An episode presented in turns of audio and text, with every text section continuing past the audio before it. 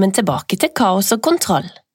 I dag så er det kun meg som sitter her i studio, for Cecilie har en liten ferie. Og da har jeg lyst å ta deg med på en reise litt tilbake i tid, nemlig til januar i år. Fra januar til februar så var det forventa et prishopp i matvareprisene. Så i dag så skal vi snakke om hvor vi er nå i forhold til matvarepriser, og vi skal snakke litt om enda flere sparetips når det gjelder mat. For er du som meg, så er det der pengene ryker. Ifølge SSB så steg matvareprisen med hele 9% fra i fjor til august i år.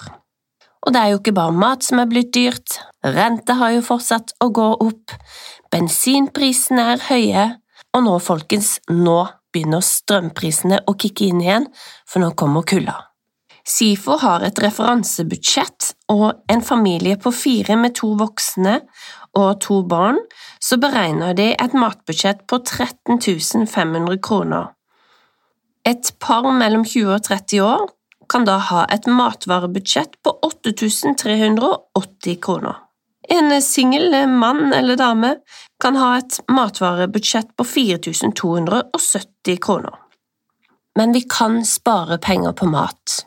Det vet jeg jo, for tidlig i år, i januar og februar, så hadde jeg et prosjekt på gang der jeg skulle bruke minst mulig penger på mat, og i januar så beregna jeg 500 kroner per uke, pluss 200 kroner ekstra når jeg hadde min sønn.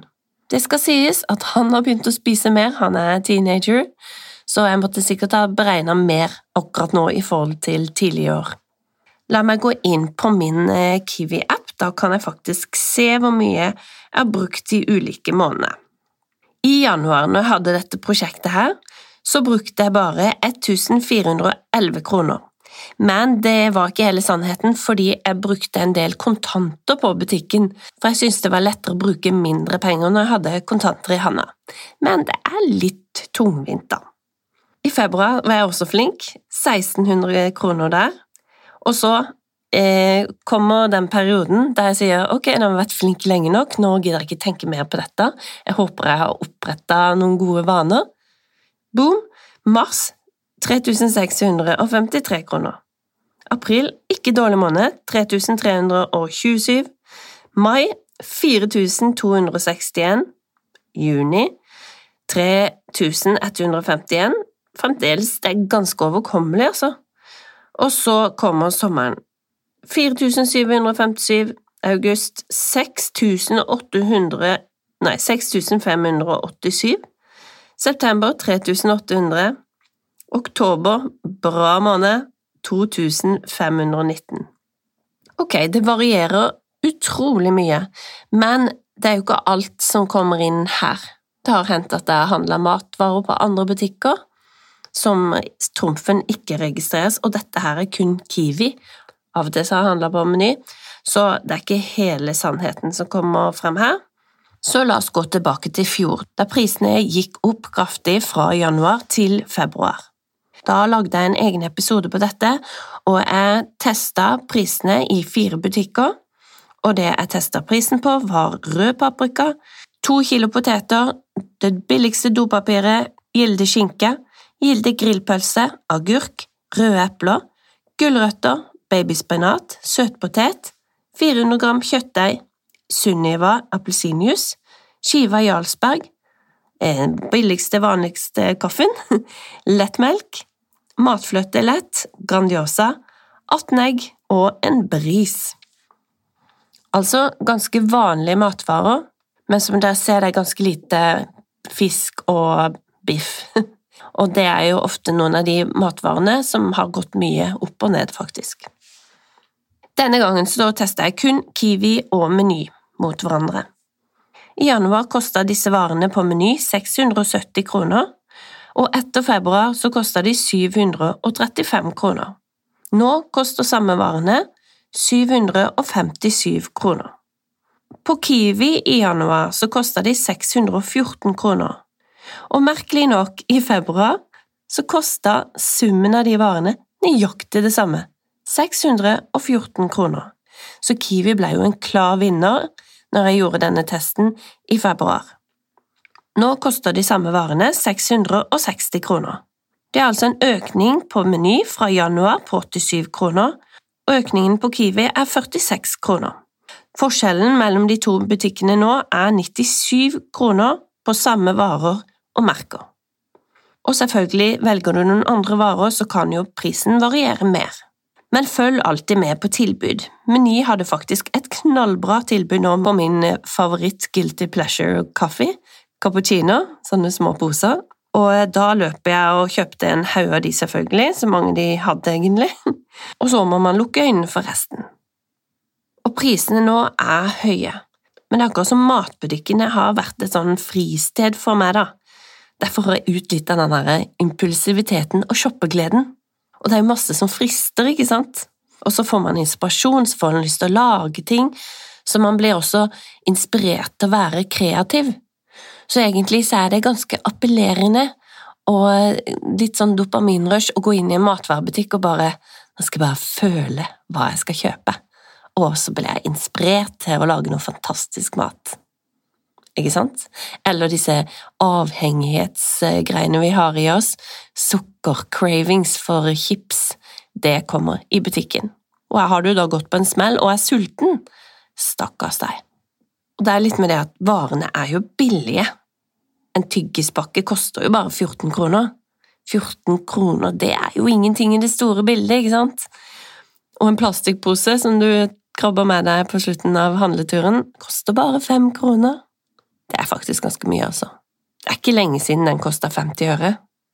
Men du får jo en følelse av at ting er billig, det koster jo fra ja, en tier til en hundrelapp maks, så da er det jo bare å legge i handlekorva. Tingen er at vi trenger strengt tatt nesten ingenting av det vi kjøper. Tenk på det. Vi trenger omtrent ingenting av det vi handler i matvarebutikken. Vi må jo ha mat, eller vi må ha næring. Og så er det hvor mye av det du handler, har de næringsstoffene kroppen trenger? En kombinasjon av de? Er det noe vi tenker på når vi handler? For de fleste, inkludert meg sjøl, vi spiser mer enn det kroppen trenger. Og noen ganger så er det mm, kanskje fleste ganger er det for kos. Ok, vi har pizza til middag. Taco, det er jo mat, men det er jo veldig mye kos. Og noen ganger så spiser vi bare på rutine, for eksempel frokost eller kveldsmat. Og noen ganger spiser man rett og slett bare på automatikk og mye av den maten som vi koser oss med, for eksempel taco, er ultraprosessert mat. Og det har jeg lest litt om i det siste, og eh, det er mye jeg ikke er klar over er ultraprosessert mat. For eksempel tacolefsa, som er så god og himla grei, og i tillegg så kan man kjøpe fullkornslefse det groveste, og så kan man ha det i niste, og det er så praktisk, og det er godt, og så putter man noe grønt inni. Kjempesunt. Nei, det er ikke kjempesunt. Dessverre. Det er ultraprosessert mat, det betyr at du kan ikke gjenskape den der på et kjøkken. Altså, det som er i den, det er så mye rart at du kan liksom ikke legge de ingrediensene der på bordet. Så ultraprosessert mat er matvarer som har gjennomgått en omfattende industriell prosess, og ofte inneholder masse tilsetningsstoffer. Og disse matvarene er ofte helt sånn ready to eat. Ikke sant? Den lefsa behøver du bare å varme opp i to minutter, og har du de i en plastpose uåpna inne i skapet ditt, så varer de evig omtrent. Typisk ultraprosessert mat er jo ferdig pizza, brus, ferdige frokostblandinger, pølser, hurtigmat, søksaker, kjeks, kjaps, chips og sånn som tortilla og tortillalefser og slike ting. Det finnes faktisk en app som du kan skanne over maten, den koster penger, og så kan du se om ting er ultraprosessert. Det er også mye mat som gjør oss avhengige. For eksempel min lille avhengighet til chips, det er også fett og sukker, hovedsakelig. Og denne avhengigheten er like sterk som med alkohol eller narkotika. Den stimulerer samme belønningssted i hjernen, som gjør at vi føler velvære og glede, og vi craver det. Så det er verdt å tenke litt på. Og det går jo an å venne seg av med dette. Letteste for meg å venne meg av, det er sukker. Og da går det gjennom en liten periode hvis du har hatt mye sukker, et par uker, så plutselig får du ikke lyst på det lenger. Chips og sliter jeg sliter litt med, for det er et eller annet Selv om jeg kanskje har vent meg av det, så bare Det er min go to kos. Det er veldig vanskelig å venne seg av med chips. Men vi fråtser i mat, og vi lagrer mat, og vi kaster mat, og vi sløser penger på mat, og vi trykker i oss ting som er dårlig mat, og vi til og med kjøper dårlig mat til barna våre som belønning. Du var så flink i dag at du får en hel pose Smash. Ja, vi gjør det alle sammen. Og jeg skjerpa meg i fjor, i januar. Det er da det er lettest for meg å skjerpe meg, og nå nærmer vi oss, ikke sant, julemåneden, gidder ikke skjerpe meg da iallfall, så vi skal skjerpe oss i januar, og jeg håper du er med. Og litt av poenget med å skjerpe seg i januar er jo å få en god start, da. Så nå kan vi mentalt begynne å bli mer bevisst og ready for action i januar. Og poenget i februar er at du skal ha tatt med deg ganske mange gode vaner inn i neste måned, sånn at noe har bare festa seg. Og selvfølgelig er du kjempeflink til å skjerpe deg allerede i dag, så må du bare gjøre det. Det er klart at jo mer bevisst man blir på disse tingene, jo mer har man lyst å snu på det med en gang, og det kan vi gjøre fra i dag. Det jeg har lyst til, er å kunne spare en rundt 1500 kroner i måneden på mat. Altså 1500 kroner som jeg kan putte inn et eller annet annet sted, for eksempel i en buffer, reisekonto eller betale ned på huslånet. Selvfølgelig er det lettere hvis du er bare én person som bestemmer dette selv, men jeg tror vi kan ta noen lure valg i butikken, sånn at dette går mer automatisk, det skal gå av seg sjøl. Så her kommer noen tips. Noen har du kanskje hørt før hos meg, det husker jeg ikke, jeg orker ikke høre på episoden på nytt. Og så nå får du mine, jeg vet ikke hvor mange det er, tolv eller noe sånt, sparetips på mat. Det første. Det er så lurt å skaffe en oversikt på det man har i kjøleskapet og skapet. Og hvis du har en sånn label marker, så er det egentlig kjempelurt.